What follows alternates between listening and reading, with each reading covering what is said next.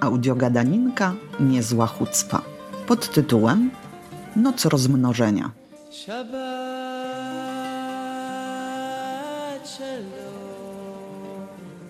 Dlaczego religijnych Żydów w piątki nie boli głowa?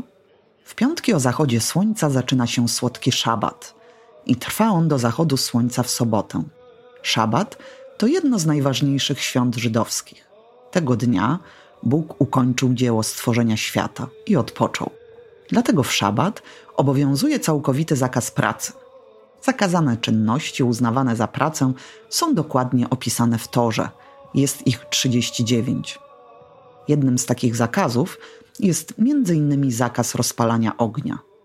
Ale nie chodzi tu wcale o swojskie ognisko z kiełbaskami, ale każdą czynność, która może wywołać iskrę elektryczną, przykład zapalenie światła czy silnika w samochodzie i wpłynąć tym samym na zmianę istniejącego stanu rzeczy.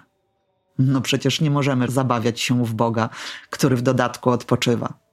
Tłumacząc po naszemu, Bóg przez sześć dni tworzył świat. Siódmego dnia odpoczął. Tak, tak, to nie pomyłka.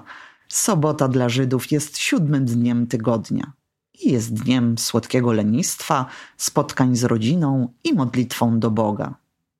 Będąc w Izraelu, niech was nie zdziwi zatem dziwna winda w hotelu, która staje sama z siebie na każdym piętrze. Zwariowała czy się zepsuła? Nie, nie, nic z tych rzeczy. To tak zwana winda szabatowa. Winda, która staje na każdym piętrze tak, aby pobożny Żyd nie musiał naciskać guzika od windy, a tym samym wywołać iskry elektrycznej, czyli złamać zakazu rozpalania ognia.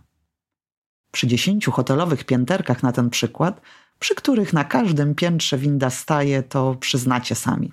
Lepiej czasami wykonać szybką przebieżkę po schodach.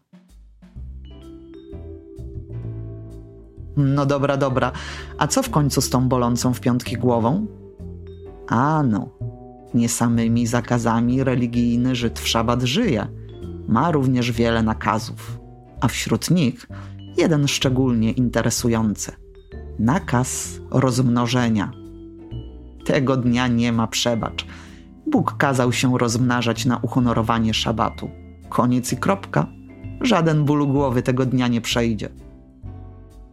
Mosze w noc poślubną do Rywki. Oj, kochana Rywkę, jak mi dobrze, jak mi dobrze. Zobaczysz, będziemy tacy szczęśliwi, mówi z rozmarzeniem. Na to zamyślona Rywka. No tak, ale jak my będziemy żyli? Przecież pensję też masz małą. Hmm. Szabat szalom, kochani. Kochajcie się i rozmnażajcie szczególnie w tak pięknych okolicznościach przyrody jak Izrael. PS audiogadaninka nie bierze odpowiedzialności za statystyczne przybycie o jednego obywatela więcej po powrocie do Polski. Zainteresowany? Znajdziesz nas feelfreetraveler.pl Feelfree Izrael To daraba. Słuchaj nas na YouTube, Spotify, Apple Podcast i Google Podcast. Shalom. Shabbat shalom.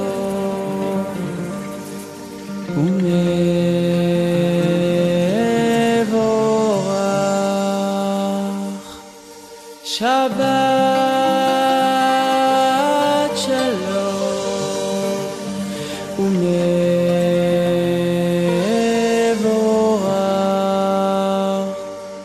שבת שלום